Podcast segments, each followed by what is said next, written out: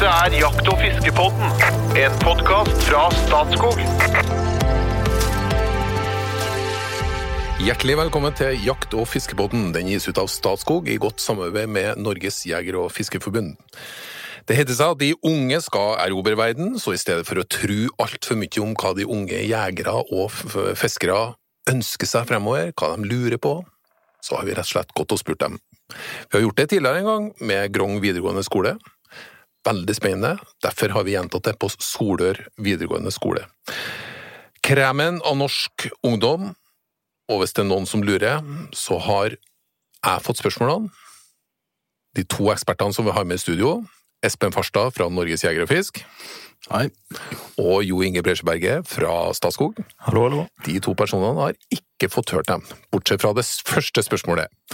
Sånn starta vi på Solør. Da er vi inn på naturbrukslinja på Solør videregående skole, og vi har lærer Simen Østmo. Hvilken gjeng er vi har med oss her i dag? Ja, her har vi VG3 naturforvaltning. Eh, De tar studiekompetanse og skal begynne å studere da til neste år, regner jeg med. Ja. Hvilken type undervisning er det for dem? Eh, Da lærer de om eh, ulike naturtyper og eh, vegetasjonstyper og vern og litt om lover og regler i forhold til det. Er det mye praksis? Er det mye ut, ut, i, ut i skogen, han har sagt, opp i trærne og ute med jakt og fiske? Det er, vi prøver å få til det, men det er jo VG3-løpet er jo ganske mye innhold. Det er mye teori, men vi får til det. Vi har jo vært ute og jakta, og de har skutt elg og, og rådyr og fått tid til det, da. Du snakka litt tidligere om utviklinga på gutter og jenter. Hva, hva er det du merker nå? Jo, nå merker vi at det er en, en eh, kraftig økning på søkere fra jenter, da. Altså på VG1. Ja. Ja. Så det, det er på vei opp. Heldigvis. I dag så skal vi stille spørsmål, eller det vil si elevene som går på naturbrukslinja, skal stille spørsmål til gjengen i studio. Og aller først så skal vi starte med et spørsmål om eh, rype, for jeg har lurkikka. Eh, Hvem er vi har med oss nå? Det er Ole Staffsberg. Hvilke spørsmål har du, da? Nei, eh, om rype Vi vet at det er lite rype mange steder. Og vi vet ikke helt hva det skyldes. Men uh, har dere noen planer for å få opp da rypebestandene? Veldig godt spørsmål. Og det første spørsmålet det skal vi faktisk prøve eh, Jo Inge Bresjøberget på live. Det er, her er det betenkningstid på to sekunder, og nå har de gått. Ja. Det Dette er jo ditt fagfelt. eh, Jo Ja, ja, Inge. ja, alle. Hvorfor går rypebestanden ned? Hva kan vi gjøre for å få den opp? ja. Og hvor lang tid har jeg? Tre minutter. Å, kjære noen. Ja. Nei, eh, vi veit en hel del om hvorfor rypebestanden går ned. Og det er mest sannsynlig klimabetinget. Altså ryper er klimatapere. De er avhengig av stabil vinter med stabilt snødekke. og og at det ikke forandrer seg med kraftig regn for eksempel, og ising av beiter. Og, og samme smågnagere, som vi er avhengig av eh, for å holde på en måte, Smågnagere er motoren her. De, vi får smågnagertopper. Da får du et hvileskjær på predasjon. Sant? Og får du da ustabile vintre, så vil òg smågnagere slite. Gangene deres isratt f.eks. blir fylt med vann, eller, eller snøen blir borte. Eh, Så at en hel del av det er klimabetinget. Og det er å teste med flere arter i høgfjellet som har samme nedgangen som ryper, i samme tidsrommet. Og når en veldig tallrik art som ryper går ned over ti år, typisk, 30% nedgang, da blir den rødliste. Og nå er rypene i rødliste nå, også i 2015. Og vi tror i noen områder at jakta har betydning. Og da må vi begrense jakttrykket. Og hvordan vi skal få opp igjen ryper det, for, for ryper, det at det er lite ryper, er i all hovedsak at de dør. Altså De er veldig gode på å dø. Og de blir tatt av predatorer eller ved jakt eller flyr i kraftledninger. Og så har du klima, en klimasak. Og så har det det med at hvordan vi skal få mer ryper. Og det er liksom et kjempespørsmål. da. Hadde jeg visst det, så hadde jeg vært kjempeglad og skulle fortelle det. Men eh, det vi, det vi vet, er at vi i hvert fall må begrense vårt uttak i de veldig dårlige åra. Det kan vi være med å bidra med. Men jakta har liten betydning på rypebestanden, men i de veldig dårlige åra så må vi begrense. På hvilken måte begrenser vi det? Med å enten ikke jakte når det ikke er en produksjon, altså ikke er kyllinger der, eller at vi begrenser jakttrykket, færre jaktdager, eller at det vi eh, begrenser uttaket på jegere i de områdene. Nå, nå, nå kan jeg faktisk stille spørsmålet. Var du fornøyd med svaret? Ja, det var eh, bra svar, dette Har du oppfølgende spørsmål på rype? Han har jo tatt doktorgrad i rypeforvaltning, så eh, her er det mulig å bore videre. Ja. Nei, det er vel eh, Snøen har vel en god del hindring for kyllingen. Ja, Ja, eh, det er klart så Jeg driver utendørsidrett, da, så de er vant til å være ute i snøen. Og rypemor hun kan snø ned mens hun ligger på reiret, f.eks. Det går helt fint. Eh, Men hvis du da får eh, altså Med det ustabile været vi har, slik som i år, som vi fikk snø i begynnelsen på juli en del fjellområder, det er veldig ugunstig. For da er de akkurat klekt, og så går de eh, sammen med mor skal finne proteiner, skal finne larver ikke sant, og vokser fort. Må finne mat hele tida, og så det da, kommer det snø og regn og sludd og blir kalde, så må de hvile seg under mor og får mindre tid til å finne mat. Og så blir de mer urolig og bråker mer, og da blir de lettere bytte for predatorer. Så snø i, altså utenom normalen, det er veldig ugunstig. Men snø, altså alt annet, det er normalt for dem, og takler dem helt fint. Da jo, Inge, sier jeg takk for det, og så sender jeg deg ut døra. For det øvrige spørsmål kommer du ikke til å få på forhånd. Så dem skal du få når vi kommer tilbake i studio. Så nå skal jeg hente inn med flere spørsmål, og du går ut. Ja. Ja, det føler jeg virkelig at vi fikk satt standarden. Ble du litt bekymra nå, Espen? Nei da, jeg gleder meg. Jeg syns dette er gøy. jeg. Hva syns du om svaret sjøl nå, eh, når du har hørt det i ettertid? Nei, det er, Svaret er for så vidt greit nok, men det er litt rotete. Men da har du sjansen til å forbedre deg nå, for nå har vi ni spørsmål igjen. Okay. Her er spørsmål nummer to. Da er vi klar for et nytt spørsmål. Hvem er vi har med oss nå? August Schultz. August Schultz. Ja. Og du har et spørsmål om et eh, dyr som kanskje ikke jakter så mye på i dag. Ja. Ja, hva tenker Statskog om villsvin? Er villsvin en ressurs eller en trussel mot annet vilt? Det er et vanskelig spørsmål. Ja. For villsvin er vel svartelista per i dag. Så det skal vi høre med dem. Ja, den syns jeg egentlig Vi har jo hatt en liten episode om uh, villsvin tidligere. To episoder, faktisk. Men uh, vær så god. Ja, han sier jo Statskog, han spør jo Statskog, men vi kan jo spørre Jesper nå. Men jeg kan jo starte, da.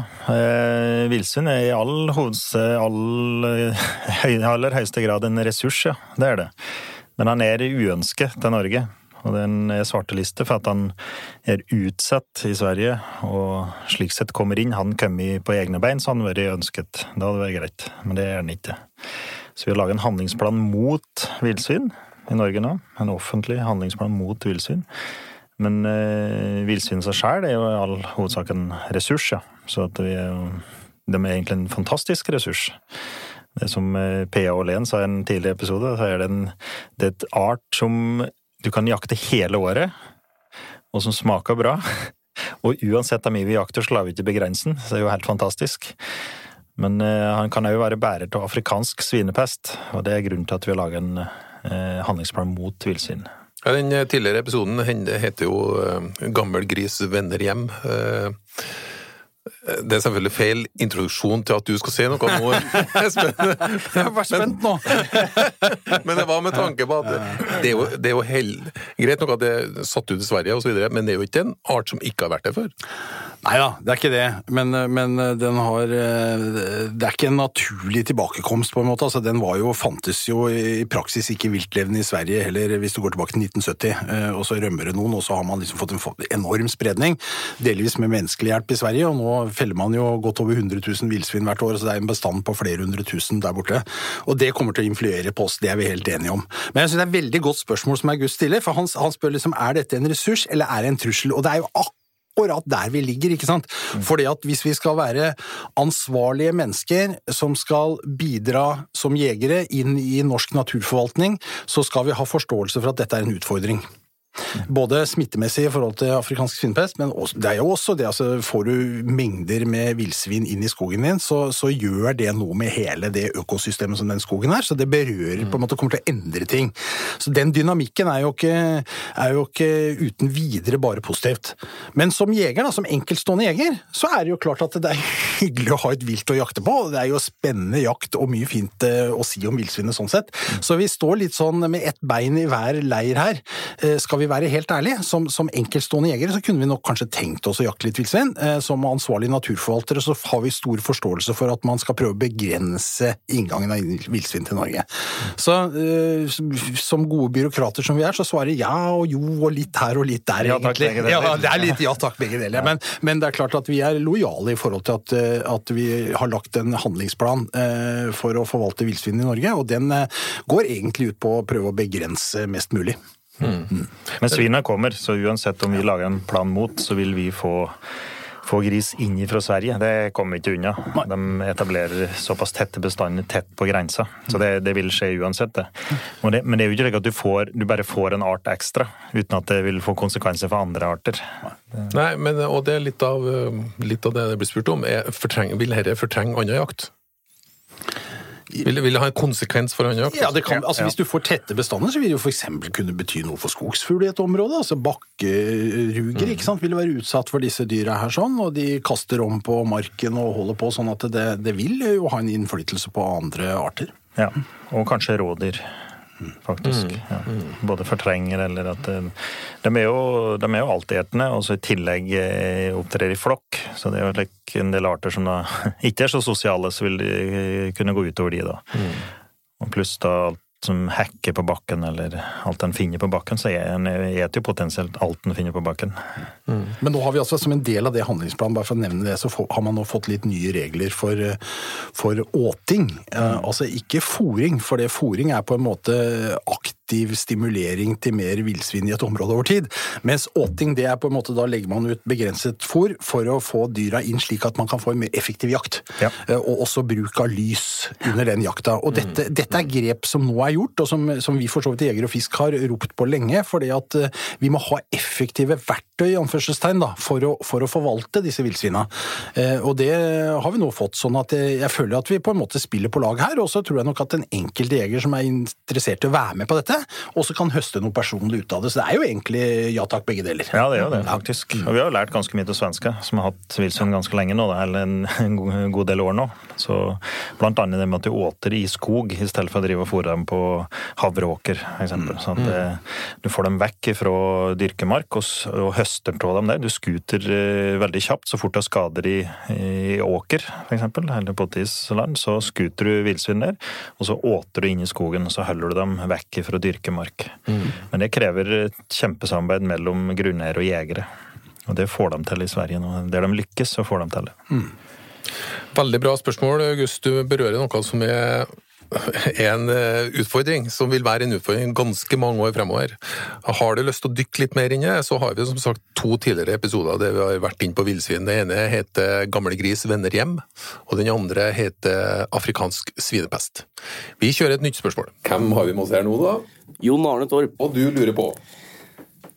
Hvilke utfordringer ser dere i sammenheng med viltpåkjørsler og salting av vei? Og har dere noen tanker om hvordan vi kan forhindre flere viltpåkjørsler?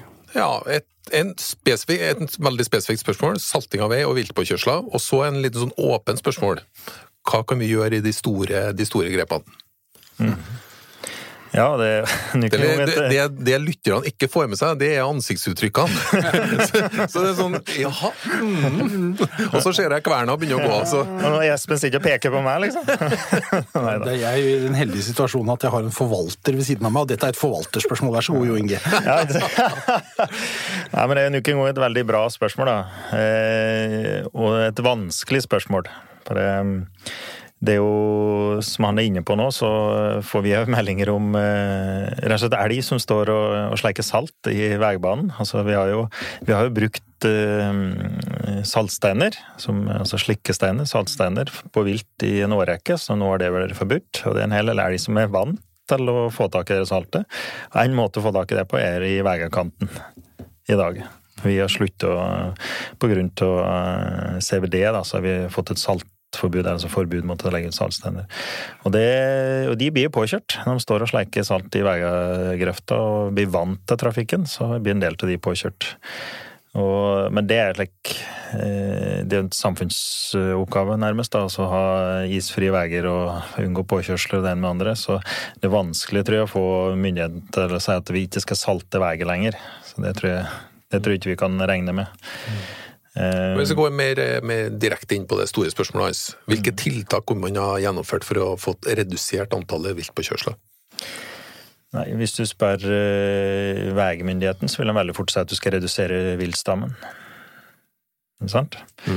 Eh, og hvis du prøver å dytte ansvaret over på jernbanen, f.eks., så er det da type gjerding. At du gjerder de mest kritiske overgangene.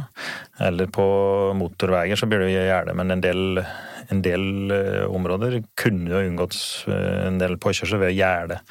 Men eh, det er grunnen til de påkjørslene er at de har trekk der og trekkruter som går over vei. Og Gjerder du, så vil du da enten stenge den trekkruta, eller at du vil kunne flette den trekkruta. Så det er, det er jo programmert her da, til å gå der de går, i all hovedsak. Og det kan være eh, sesongtrekk mellom vinterbeiter, f.eks. Gardermoen er et greit eksempel. Når de bygde Gardermobanen, så delte et vintertrekk midt i to. Og dyra er nærmest programmert at de skal gå dit, ikke sant. Og har gjort det i generasjoner. Så det er, ikke, det er ingen enkel sak å unngå det. Men skal du få færre påkjørsler, så må du enten ha mindre vilt som krysser vei, eller eh, fysiske hindringer da, som gjør at de kommer i på veien. Hva tenker Espen, burde vi ha skutt ned hjorteviltstammen litt mer? Altså Som jeger så vil jeg jo gjerne ha mye hjortevilt å jakte på. Eh, Det er jo ærlig nok til å si det, og det, det vil vi jo. Og så er det klart at det er jo noen kryssende samfunnsinteresser her. Det er jo ikke, det er ikke tvil om det, eh, at, at det er en problematikk. Eh, Problemet er vel kanskje ikke først og fremst at vi har for mye hjortevilt, det er vel, det er vel vi som utgjør problemet når vi kommer dundrende i 110 km i timen. Nå er det litt sånn, Hvis du ser på norsk veiutbygging de siste åra, så er det jo nå ganske store, tunge trafikksatsinger som går på, på viktige sånne langavstandsstrekninger, altså typisk Sørlandet, oppover i Norge, eh, ned til Sverige, ikke sant. Altså der har man, Og de nye veiene man bygger, her bygges det jo med, med god sikt og, og mye viltgjerder, eh, og litt om overganger. Vi har jo hatt, vært innom det i en jakt- og fiskepod også, ikke sant. Så, så man er veldig oppmerksom på problematikken. Men, mens hvis du kjører oppover i Østerdalen, eh, på, ikke sant? Så, så kjører du på en litt sånn gammeldags vei, hadde jeg nær sagt, som bare går oppover gjennom terrenget. Her er det tette bestander av elg, og dette er et problem, dette kommer vi ikke unna. Så her, her er det litt sånn kunnskap hos bilisten også. Vi veit jo at, eh, at eh, jegere faktisk kjører på færre vilt enn andre folk. Og det er noe for at du, du har en oppmerksomhet, du skjønner mer på en måte at oi, her ser det ut som det kan være, nå er vi inne i den timen på døgnet hvor vi vet det beveger seg, osv. Så, videre. så det at man kan den kunnskapen er sånn. Men, men vi kommer aldri unna dette, og vi skal huske altså elg, Vi snakker elg med en gang, det er jo fordi at Jo Inge er inne fra elgland, og, og fordi at elg er det som utgjør den største altså trafikkfaren. altså Det å få en elg på panseret er det verste, ikke sant? Men eh, Det det er er potensielt farlig, det. ja, det, det kan være litt vondt, det der. der. Og, og egentlig ikke noe å spøke med heller. Men, men det er jo rådyr som utgjør mengden her. Ja, det er Eh, det. og, og rådyra skiller seg også litt fra altså Elgen har veldig, og hjorten kanskje enda mer, veldig faste trekkruter, og du kan si at akkurat her kommer den til å trykke. Rådyra de kan sprette ut litt mer eh, overalt. Mhm. Eh, Jeg holdt på med dette her for noen år siden, for jeg var litt på Vegvesenet og lurte på hvorfor vi ikke hadde trafikkskilt med rådyr på. Ja. Ja, jeg har liksom irritert meg litt over det. Ikke sant? Vi kjører på flest rådyr, allikevel så finnes det ikke et rådyrvarselskilt. Men, men, men, men de var ganske sikre på at det er ikke noe løsning å få opp flere skilt. Det løser ikke, det løser ikke problematikken. Eh, Og, og rådyra er mye vanskeligere å definere til ett punkt, liksom. Sånn at mm.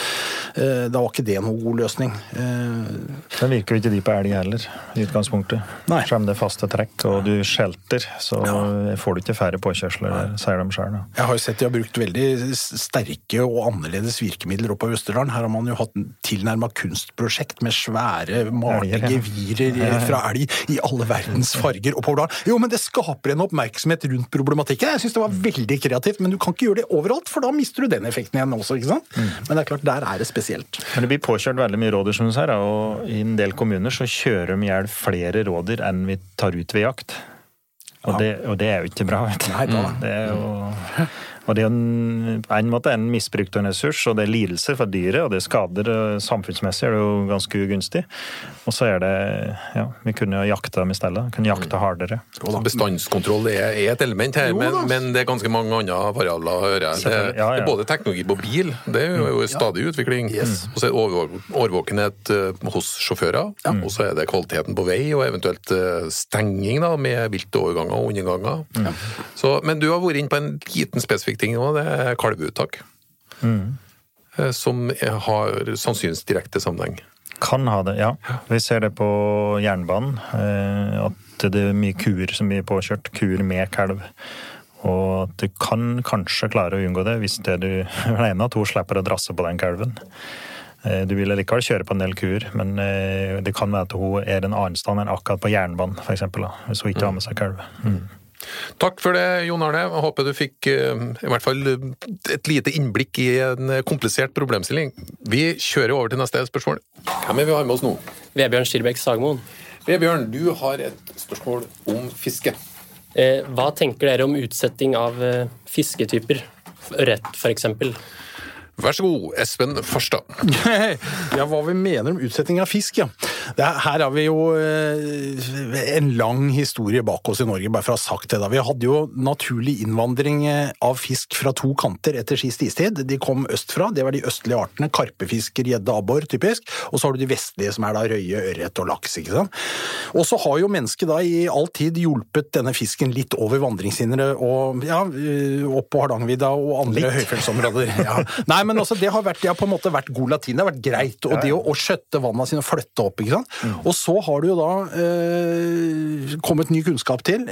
Det har fulgt en del problemer med dette, eh, og vi har spredd arter som kanskje ikke er så ønskelige. Et typisk eksempel er å spre ørekyte opp i flate ørretvann på vidda. Det ødelegger ørretvannene. Eller andre karpefiskarter der de ikke hører hjemme, osv. Så videre. sånn at det å spre fisk i dag er i utgangspunktet forbudt. Hvis de ikke er fra stedegen stamme, eller stedegna stamme, som noen også kaller det. Altså at du tar en ørret fra lavere ned i et vassdrag og flytter opp i samme vassdraget. Det kan du få tillatelse til, men, men nå skal all flytting av fisk eh, foregå med fylkesmannens eh, aksept og godkjennelse. Så det, det er jo utgangspunktet. Så i utgangspunktet så ønsker vi vel ikke å sette ut så mye fisk. Så er spørsmålet om man, Det spørsmålet kan jo også romme et annet spørsmål, eh, nemlig om vi skal sette ut fisk for å skape et bedre fiske. Altså, eh, ikke sant? Altså å, å sette ut fisk i ulik størrelse, bare for å si det. Og her tror jeg eh, det, blir litt sånn på det personlige planet her. Vi har vel svingt mer og mer over til at vi ønsker å la naturen få på en måte definere premissene for hva slags fiske som er i et område. Eh, Vi kan gjerne drive litt habitatforbedring, som vi sier, altså sørge for at det er eh, gytegrus i bekken og ta bort vandringshindre og gjøre slik at på en måte en ørretstamme i et gitt område blir bra og fiskbar. Men det fins jo eksempler, må jo nevne det, da, på mange vann og områder hvor man ikke hadde hatt et sportsfisk om man ikke hadde drevet kultivering. La meg ta Oslomarka som eksempel. ikke sant? Det er fullt av små tjern og pytter oppe i Nordmarka som ikke har naturlig gytemuligheter for ørret. Der er det allikevel et fint fiske fordi man setter ut fisk. Og så prøver man primært å sette ut småfisk, liksom ettåringer, toåringer, sånn at man, så de kan vokse seg naturlig ville i tjernene og, og framstå som ville fisker, men gytemulighetene er ikke der. Så i sånne tilfeller så mener jeg det må være helt greit å drive utsetting av fisk for å skape sportsfiske, fordi at fiske er en del av en friluftslivsverdi som vi ønsker å opprettholde. Så det var et langt, eh, langt svar, men, eh, men, men det er mye å si om dette. skal jeg si først. da. Ja. Ja, Det er jo mye å si om det, og det er klart eh, en del av den utsette eh, vi har sett har vært i type å sette ut stor fisk. Jeg faktisk syns det er greit å fiske på stor fisk. Det tror jeg også en del betenkeligheter med. Eh, og vi er med i en del prosjekter der regulanten, altså vassdragsregulanten, er pålagt å sette ut fisk. Altså gamle konsesjonsbetingelser. Der har vi fått vinkle det over til at du gjør eh, gyteforbedring, f.eks. Eller at du fanger stedegen fisk og setter ut. Altså at du gjør, tiltak som er eh, mer på lag med naturen, da, enn bare å ha, ha et kar og så fôre opp fisk og så sette ut, bare for at du er pålagt det. Det blir det i veldig liten grad gjort på våre arealer i dag. Og så er det som Espen sier, det er jo en del arter som vi ikke ønsker å flette på. Og folk har flatt gjedde oppi Ørretvatn f.eks., eller ørekytt som Espen sa. Det er jo helt gale, Mathias. Og det kan få store konsekvenser. Eller røye Ørretvatn. Så det er mange eksempler på eh, på feil politikk der, altså folk har flett fiske, så eh, mm, Kanskje i, forbedre, altså i god tru Mm. Men eh, så har det gått helt galt, da. Ikke sant? Mens ørret er jo en av de mest vellykka arter, slik sett. Den har, har få negative konsekvenser. Den trives overalt. De fleste vann på fjellet så har jo fått ørreten fått hjelp. Mm. Tom. Jeg- jeg Vi har drevet på med dette veldig lenge. Men jeg, jeg var på, en, jeg, i, på midten av 90-tallet så reiste jeg til Montana i USA. Eh, og der er det altså et, et fylke, eller en stat da, i USA hvor det bor noen hundre tusen mennesker. Ikke så mange, det er ganske glissent her borte. De har flere besøkende sportsfiskere enn de har innbyggere i, i, i den staten der hvert år. Alle kommer for å fiske den fantastiske ørretfisket som er i, i Montana. Der settes det ikke ut én fisk. Alt er selvreproduserende stammer, men det forvaltes veldig nøye og veldig, veldig spesifikt. Altså det er oppdelt i elvestrekninger. Alt er åpent for alle. Du kan komme og fiske, men du får lov til å ta med deg én fisk hjem. Resten må settes ut, og det er ganske strenge begrensninger for fiskeren hele tida. Så på den måten så regulerer man hele fisket på naturlig reproduserende bestander. Det høres jo ganske optimalt ut. Men da må man lykkes.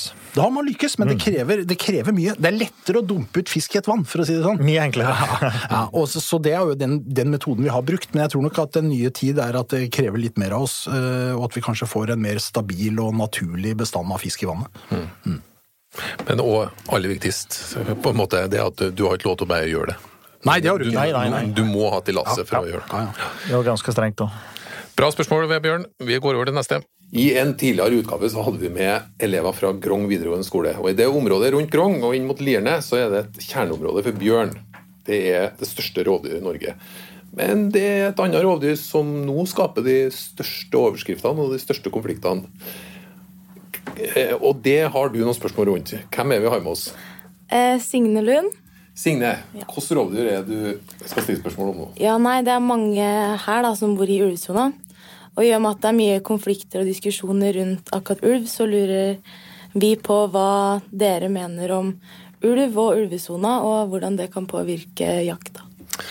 Ulv, ulvesone og påvirkning på jakt. Skal vi ta litt, eh, litt hvor, står, hvor står vi hen nå? Altså, vi har, Dette er jo et spørsmål vi har vært inn på ganske sånn eh, med det vi er opptatt av å ha en ulvedebatt med innestemme. Hvor, hvor mye ulv er det i Norge? Hva har Stortinget faktisk vedtatt? Nå pågår det stadig vekk debatter rundt dette her, og det, det, det, er en, det er et tema med sterke følelser på begge sidene, egentlig. Espen, kan du si litt om hvor, hvor står ulvesaken hen i Norge nå? Ok, eh, da skal jeg prøve å nøste. Dette er jo et enormt omfattende spørsmål, men, men la meg begynne i ene enden, da. Vi har altså eh, en sørskandinavisk ulvebestand. Det er viktig å forstå det, at vi har en ulvebestand som vi forvalter sammen med Sverige. I 1980 så hadde vi ingen ynglende ulv i Norge. I dag så har vi en bestand på rundt 400 individer, sånn røftlig, pluss minus. Eh, svenskene har brorparten av det, ca. 300 av dem. Det er ca. 100 i Norge, litt sånn grovt sett. Så har Stortinget fastsatt et bestandsmål for ulv i Norge, og det skal være fire til seks ynglende familiegrupper, som det heter, eller revirer, da. Fire til seks, hvorav tre av dem skal være helnorske. Så teller vi noen sånne grenserevirer òg. Nå er vi etter, eh, etter sist telling, det er Rovdata da, som organ, et eh, offentlig organ som, som, som gir oss eh, dette, og det er de tallene vi bruker alle sammen. Da var det altså åtte og en halv familiegruppe i Norge. Altså over de fire-seks som Stortinget sa. Og Derfor så foreslo rovviltnemndene, som er de som bestemmer i utgangspunktet om det skal være jakt innafor eller utafor sonen, og hvor mye som skal tas ut i form av individer og grupper. Eh, og de sa nå at man skulle ta ut Hvor mange var det utafor, Jo Inge? Utafor ulvesonen? Ja, 26, var det det, da? Ja, Ja, man åpna inntil 26 utafor sonen som skulle tas ut. Og så, det er for så vidt ganske uproblematisk, fordi man har en todelt målsetting i Norge om at man både skal ha ulv og beitedyr. Og Derfor så har man etablert en ulvesone, og så har man sagt at utafor sona der skal man ikke ha etablering av ulverevir. og Derfor så er terskelen for å felle ulv på utsida ikke så veldig høy. Derfor så gis det rom for å ta ut dyr utafor sonen. Innafor ulvesonen, der begynner debatten ordentlig, ikke sant? For der skal man da altså ha eh, fire til seks eh, familiegrupper eh, av ulv. Nå er det åtte, som sagt, og derfor ble det foreslått å ta ut tre. Så ble det klaga på det til departementet, og departementet sa at nei, dere får bare lov å ta ut én familie. Og så er det liksom, da er vi i gang. For dette er jo en sterkt kritisk trua art, sånn per definisjon, og derfor så det er mange kriterier som skal inn her før man på en måte kan utløse krav om felling, da. Eh, dette sliter litt på folk som bor innafor sonen, og dette var Stortinget når de vedtok et ulveforlik som, som var bredt flertall på Stortinget som sa at vi skal ha så og så mange ulv, og de skal være der og der. Og det er et veldig spesifikt vedtak til å være et stortingsvedtak, men, men her har man gjort det for å, for å være tydelig. Og da sa også Stortinget at det skal ikke det, altså det skal være en høyere terskel for å ta ut ulv innafor sonen. Mm. For her skal det, det er ikke beitedyra som har prioritet, her er det på en måte rovdyra som har prioritet. Men, sier Stortinget, det skal heller ikke være et reservat. Altså, Det skal ikke være et område hvor det er fritt fram, og hvor det på en måte blir litt sånn ulevelig for folk. For det å leve med ulv tett innpå seg, det, det er en eh, belastning. Det må vi ha forståelse for, på ulike måter. ikke sant? Noen eh, opplever kanskje litt redsel og engstelse, noen eh, kan ikke slippe jakthunden sin. altså Det kan være mange ulike grunner. Om det er nok til å utløse felling, ja, det er litt sånn politisk, og det ligger i departementet til vurdering osv. til enhver tid. Men, men det skal ikke være et reservat. Derfor så er det også åpna for felling innafor, så lenge man ikke truer det bestandsmålet som er satt. Så der er vi akkurat i dag, når vi nå snakker januar eh, 2020, så er det altså en pågående ulvejakt på én familiegruppe innafor ulvesonen. Eh, Man har tatt ut fire av i alt seks individer som det er gitt fellingstillatelse på. De to andre familiegruppene som, som ble foreslått jakta på da nede i, i Mangen i, i Akershus og Rømskog i, nede i Østfold, det, det fikk man ikke tillatelse til, så der ble det ikke noe. Så der er mange som er frustrert over å sitte med ulven på seg, har hatt det i lang tid, har planlagt jakta, har lagt ned mye energi i dette, men, men det ble stoppa i tolvte time. Det er veldig komplisert og vanskelig dette her, som du skjønner. Det er mange elementer som spiller inn.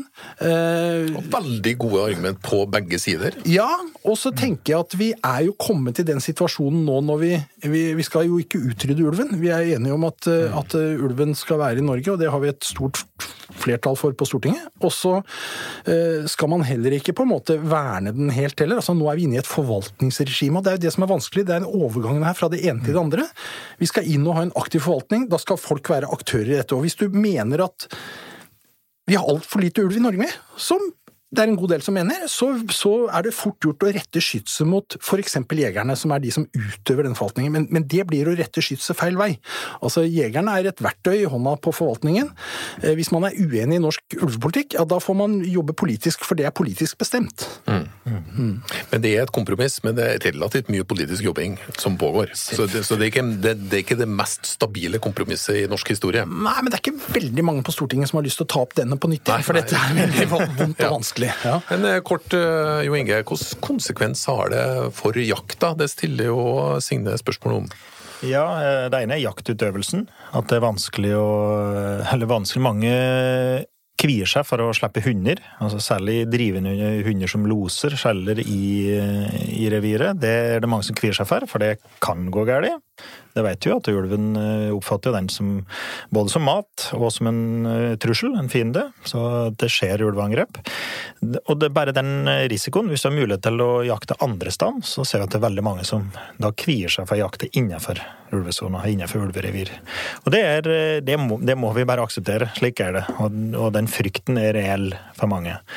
Og noen overdriver den nok litt òg. Jeg jakter i ulverevir, og det går faktisk helt fint. Men, Men det er mindre vilt, håper Ja, og så er det mindre vilt, er det andre. ikke sant? Altså, for vi som jakter elg, da, når vi jakter innenfor ulvesona, så begynner det å bli ganske magert med elg. Det begynner å bli ganske store forskjeller på innenfor ulvesona kontra på utsiden. Jeg bor rett på utsiden, har veldig bra med elg rundt husvegger, og så jakter inni ulvesona, det er veldig lite elg. Så klart, eh, det påvirker jo jakta, det er ingen som helst tvil om det. Og når jeg prater med, jeg prater med fryktelig mange jegere i løpet av året, og vi sliter med å få folk til å taksere hønsefugl, eksempel, i ulverevir. Eller at eh, Ja, for de ikke slipper bikkjene ikke slipper med- bikkjer, med det. for, Og, og det er en veldig liten risiko. Men, men da har du andre alternativer, så reiser du andre steder. Og samme småviltjegere. Hvis du kan jakte andre steder, så drar de heller andre steder enn akkurat i ulverevir og i- innenfor ulvesona. Tipset er jo til støkkjegerne, da. De kan prøve seg her. Ja, ikke sant? Så får du stort sett være alene. Ja, da får du være det. Det er bra, Signe. Jeg tror ikke det er siste gangen vi snakker om ulv i Jakt- og fiskebåten. Det er ikke første gangen, og heller ikke siste gangen. Vi går over til neste spørsmål. Da går vi videre på spørsmålsrunden, og vi har kommet tilbake til Ole. Ole. Hvilke spørsmål har du nå? Nei, jeg lurer litt på de um, fiskevattene som er overbefolket. Altså at de tar ut den store fisken og lar den små fisken være igjen. Om hva Statskog gjør for at uh, vannet skal bli ja, begge ja, alle størrelser da, til fisken.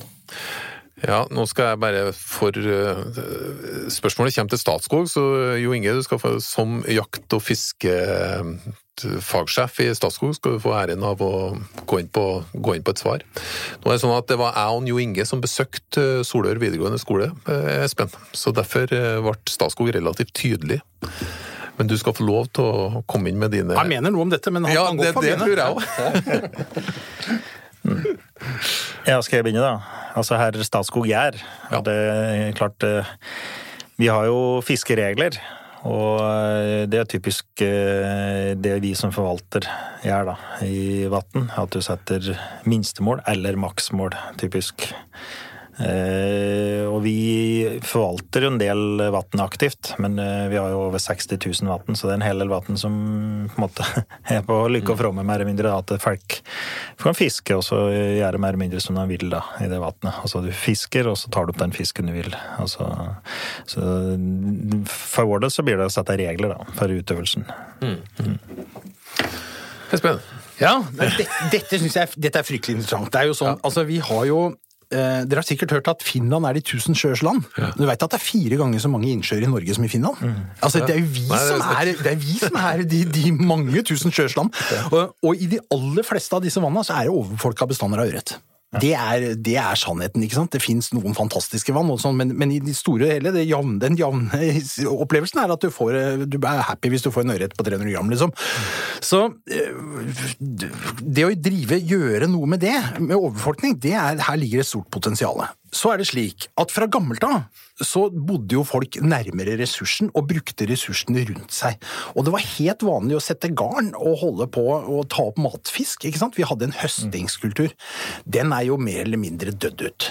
Det er jo i liten grad folk gjør dette. Det er veldig synd, for det var nemlig en aktiv kultivering. Da tok man jo ut og balanserte vannet. Samtidig så har vi fått framveksten av den moderne sportsfiskeren. Som kommer fra Oslo vest med snusleppe og cash and release i bakhuet. ikke sant? Og, det, det, ikke sant? og leter etter svære fisker. Og i hvert fall ikke gidder, For det første gidder de ikke fiske de små fiskene, Nei, ikke sant? og de jakter bare de store fiskene. Og dette er også veldig synd. ikke sant? Fordi at de store fiskene, i den grad de tar dem opp da, de slipper jo ikke så ofte de tar dem opp, da, kanskje. Nei, det er, det er ikke så ofte de får dem heller. men, men ikke sant? Altså, fremdeles, vi har, jo, vi har jo I sportsfiskkulturen så har det jo alltid vært sånn at får du en svær fisk, så kakker hun og tar den med deg hjem og viser den fram og sånn. Og dette er også veldig synd, fordi at et, et vann er jo et lite økosystem, og i dette økosystemet blir de store fiskene, som er fiskespisere, veldig verdifulle i forhold til å regulere bestanden og, og få opp et, et sett av varierte fiskestørrelser da, i vannet. Så, så eh, det er ikke så lett å gripe fatt i dette. Statskog kunne selvfølgelig legge til rette for mer garnfiske. Det burde være utleie av båter. Man burde kanskje fått eh, rabatt på hytteleia hvis man lovte å fiske med garn, eller jeg vet ikke hvordan man skal gjøre det rent praktisk, men det er klart man kunne stimulert litt den der garnfiskebiten og sånn, ikke sant? og drive litt kultivering i det stille på det. Det andre er jo at fiskerne selv må ha en forståelse av at de store fiskene er verdifulle individer, og at vi kanskje slutter å snakke om minstemål, men heller snakker om maksmål på fisken. Ja. Du kan få lov til å fiske fisk opp til 40 cm. Liksom. Får du en større, så må du sette den ut igjen. Jeg vet at det smerter litt når du endelig får en ørret på 1,8, og du er bare Å, fy, nå se den her, ikke sant? Ja, men, ja sett den ut. Ikke sant? Altså, det gjør litt vondt, det der, men det er bare, det er bare altså, dette venner vi Men oss til. til å ta et bilde. Da er mye gjort. Ja, du rekker å ta det. Det er helt riktig. Så jeg tror eh, mye, mye ligger her. Det ligger både litt hos grunneierne å gjøre stimuleringstiltak for å, for å, for å gjøre noe på, på uttakssida, og så kan fiskerne gå litt i seg sjøl på dette her òg. Bra, Ole. Vi eh, glir over til neste spørsmål. Da er vi på tur inn på et spørsmål om uh, ammunisjon, skudd. Hvem er vi har med oss? Det er Jon Arne. Jon Arne. Ja. Og det har vært mye prat nede i EU og der at de skal forby bruk av bly i jakt.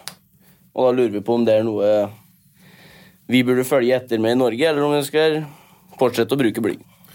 Og som tilleggsopplysning så kan jeg si at spørsmålet kommer fra en på landslaget. Ja, Jon Arne han eh, har skutt mye, det kan jeg bare si. Nå, bare til før, før svaret starter. Dette her blir minst én episode senere i Jakt- og fiskebåten, så helt i dybden på blyspørsmål kan vi per i dag ikke gå. Men vi skal drive med såkalt scratch and release. Vi skal bare berøre temaet litt, og så skal vi slippe det igjen.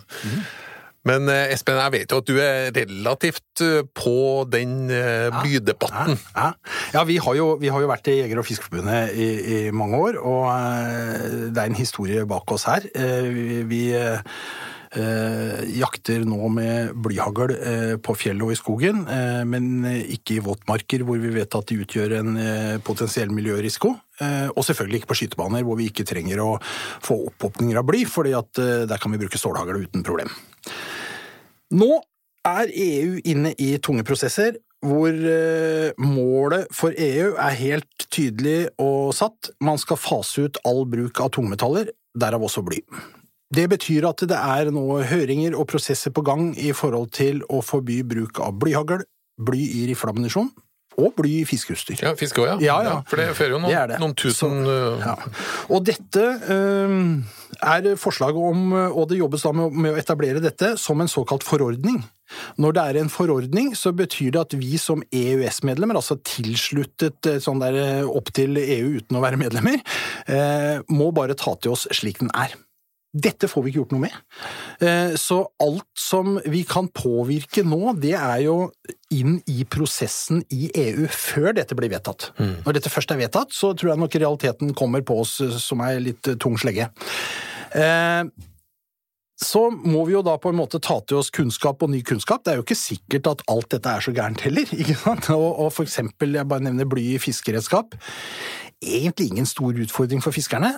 Det vil si det er noen havfiskere som vil slite litt, og det er noen sånne mikromeitefolk som driver med bitte, bitte små blyhagl. Sånn, men, mm. Sånn. Men, men i det store og det hele så vil det finnes erstatninger her sånn, som, som vi kan leve med, ikke sant? Ja, og så videre. Litt sånn pragmatisk kan man tilnærme seg dette.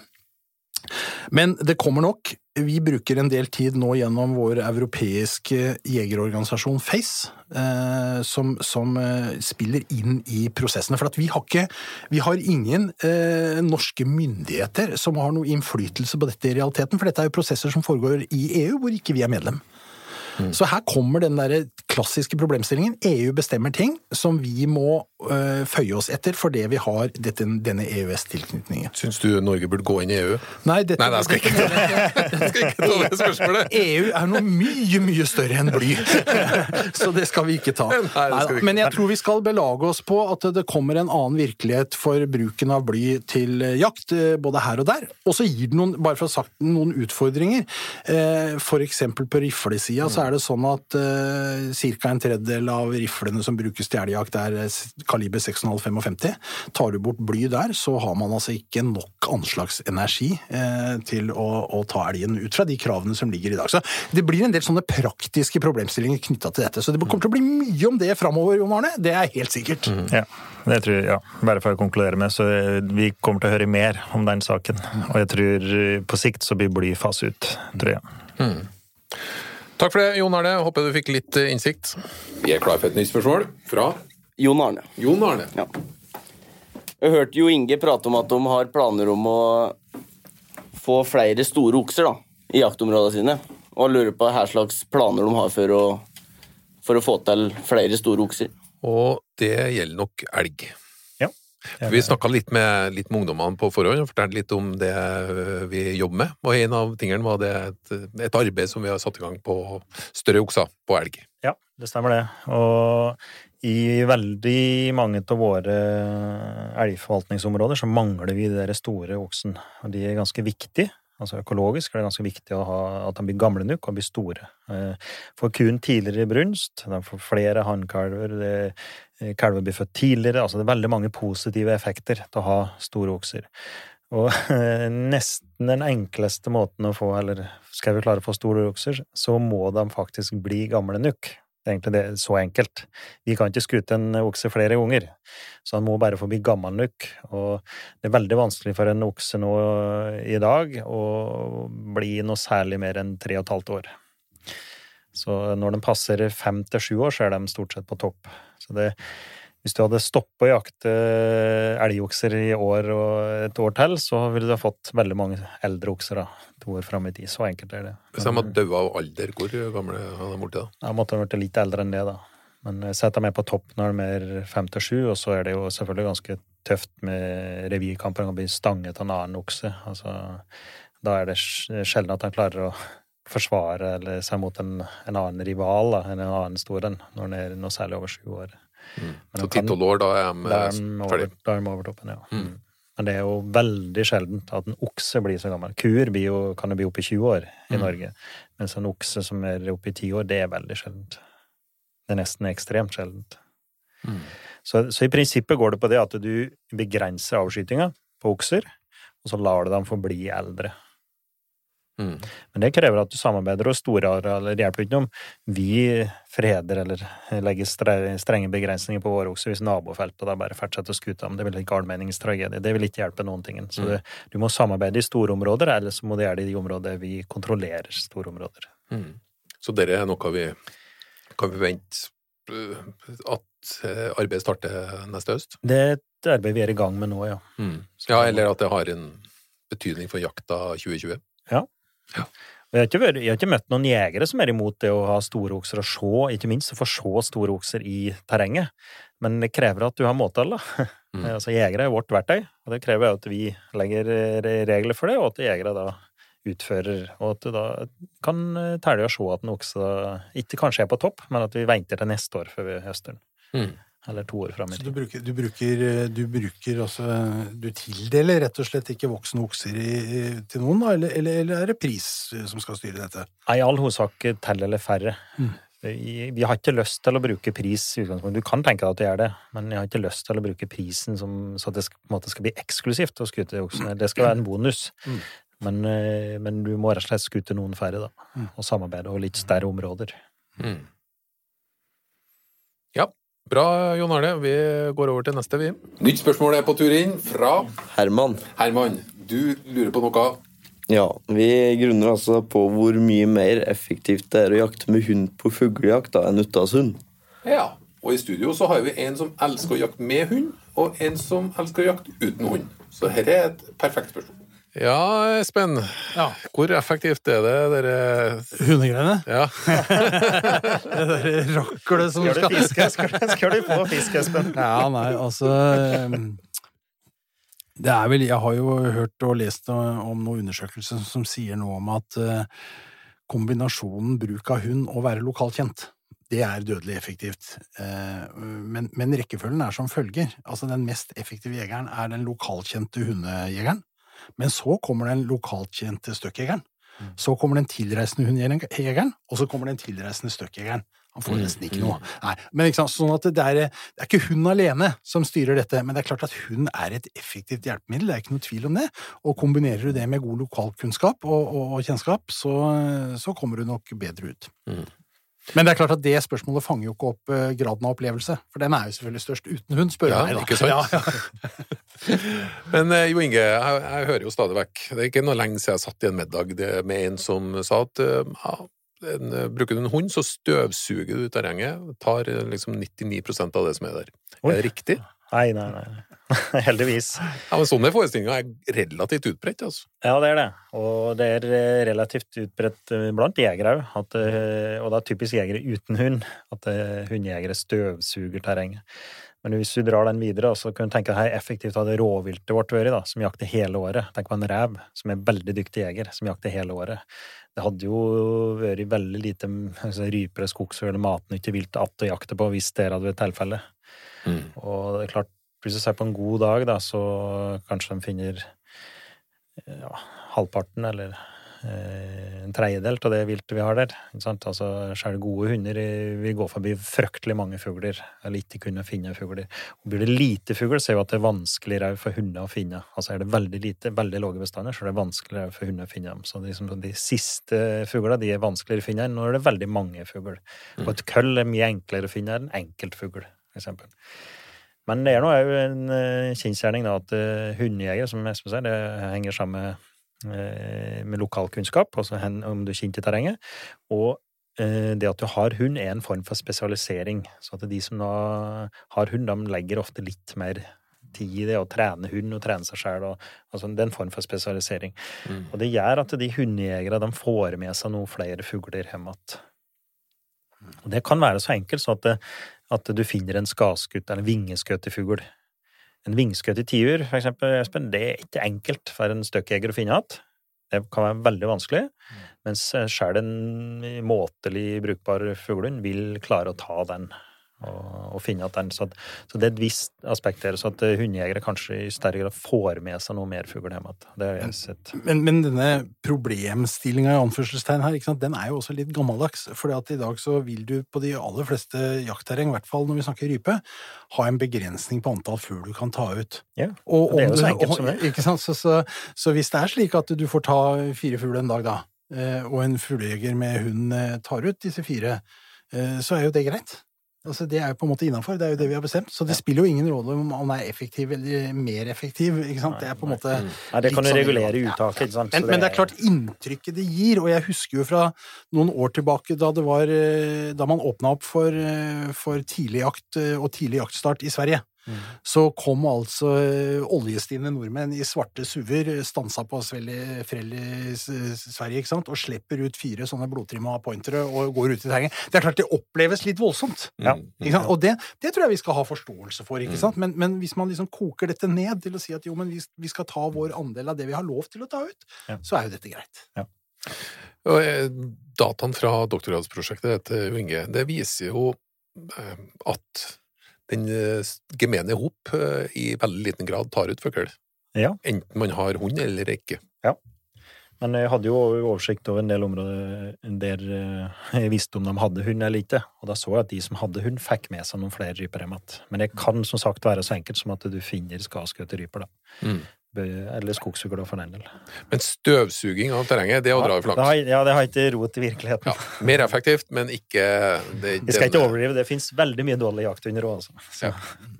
Ok, vi triller videre. Nytt og kanskje et litt betent spørsmål eh, på tur inn fra Jon Arne.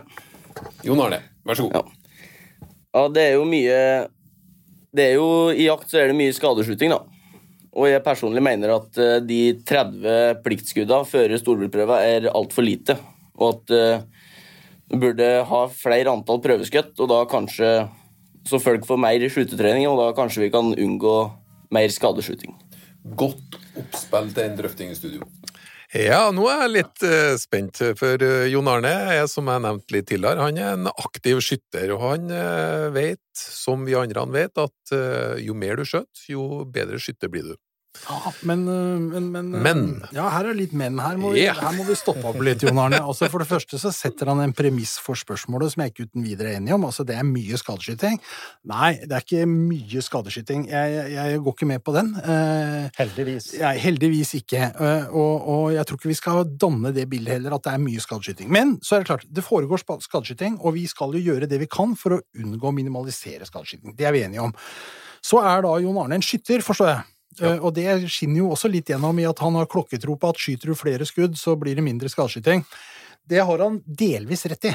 Eh, Vi har nemlig gjort noen veldig store undersøkelser i regi av Jeger og Fisk, eh, som vi kaller Bedre, bedre jakt-prosjektet vårt, hvor vi altså har spurt tusener av jegere, hjortejegere, rådyrjegere, eh, elgjegere, spørsmål om skudd som har ført til bomskudd eller skadeskyting.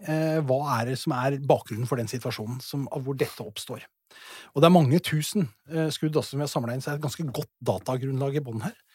Eh, og vi, ut av dette så kan vi trekke noen gode råd til jegerne. Eh, Et av dem går jo på eh, kjenn din egen begrensning, og det er nok riktig som Jon Arne sier. Skyter du mye, så får du altså en større trygghet, og du får kanskje også en større trygghet på hvor du på en måte er innafor, og hvor du begynner å bevege deg i grenselandet for din egen kompetanse. Men så er det også noe med liksom dyr i bevegelse. Aldri eh, noe godt. Da øker liksom greiene først. Skyteavstand, dyr i bevegelse, og helst ikke stående skyting. Det er liksom tre sånne råd som du trekker ut. Så det er flere ting. Så dette handler nok i minst like stor grad om å ha fokus på å minimalisere skadeskytingssituasjoner når du er ute på jakt, og være bevisst på dette. Det er, altså, et skadeskutt dyr er aldri verdt det skuddet som ble sendt av gårde, på en måte. Det er tross alt bare et rådyr, eller i verste fall en elg, liksom. Ikke sant? Det er ikke så viktig.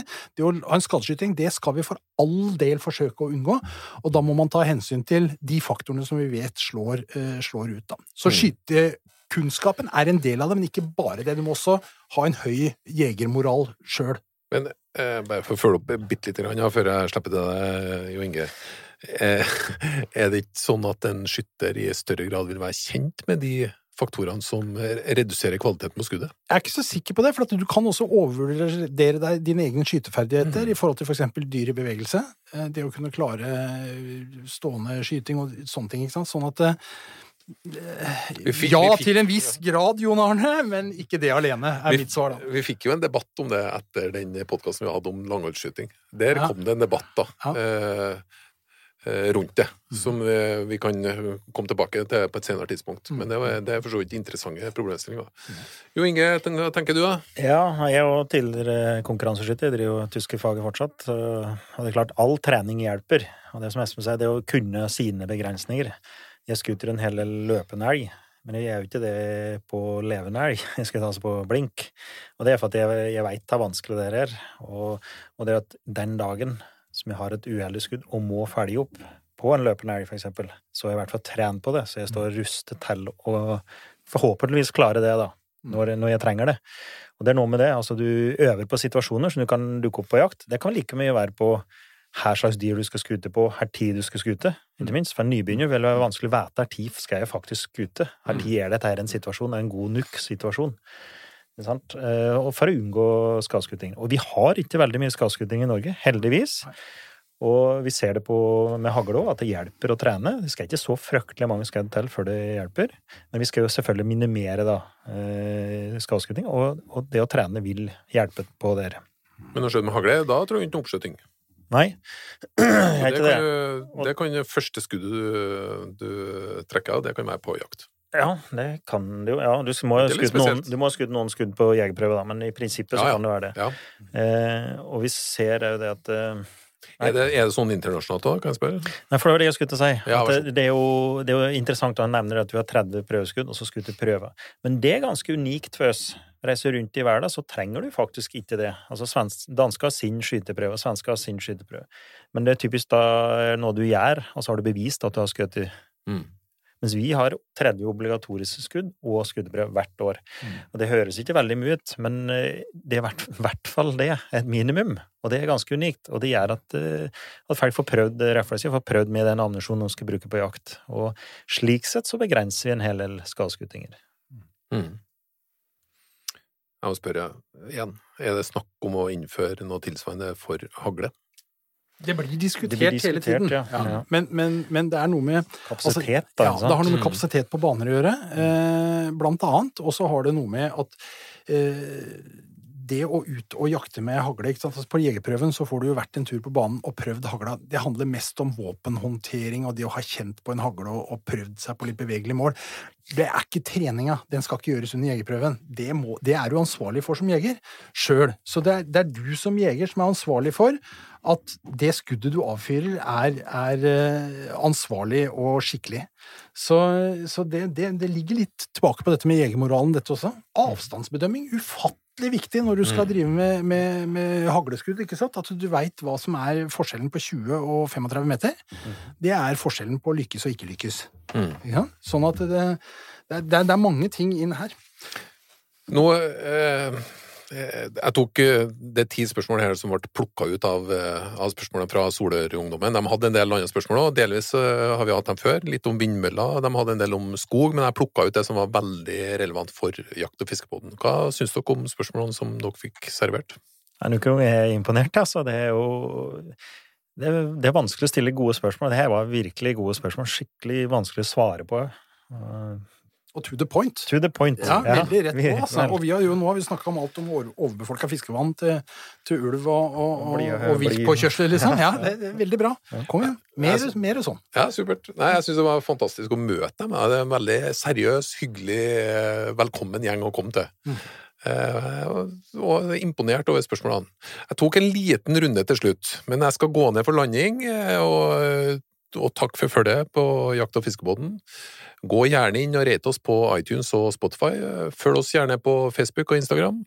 Og eh, velkommen tilbake til nye episoder av eh, Jakt- og fiskebåten. Vi skal avslutte med en liten runde som jeg tok før vi forlot Solør videregående skole. Helt til slutt så er det én ting jeg lurer på, og da skal jeg gå en kjapp runde rundt i lokalet.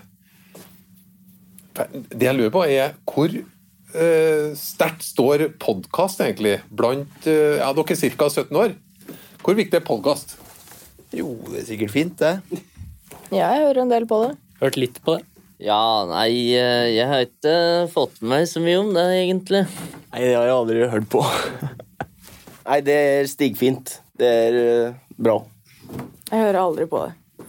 Før, før nå? Før nå. Ja, det hører jeg på hver uke. Ja, hver uke. Veldig bra blanding her nå, og da tar vi siste avund. Hvor ofte hører du på podkast? Så ofte jeg har tid. Og favorittpodkasten er Ja Ja Jakt- og fiskepodkastene.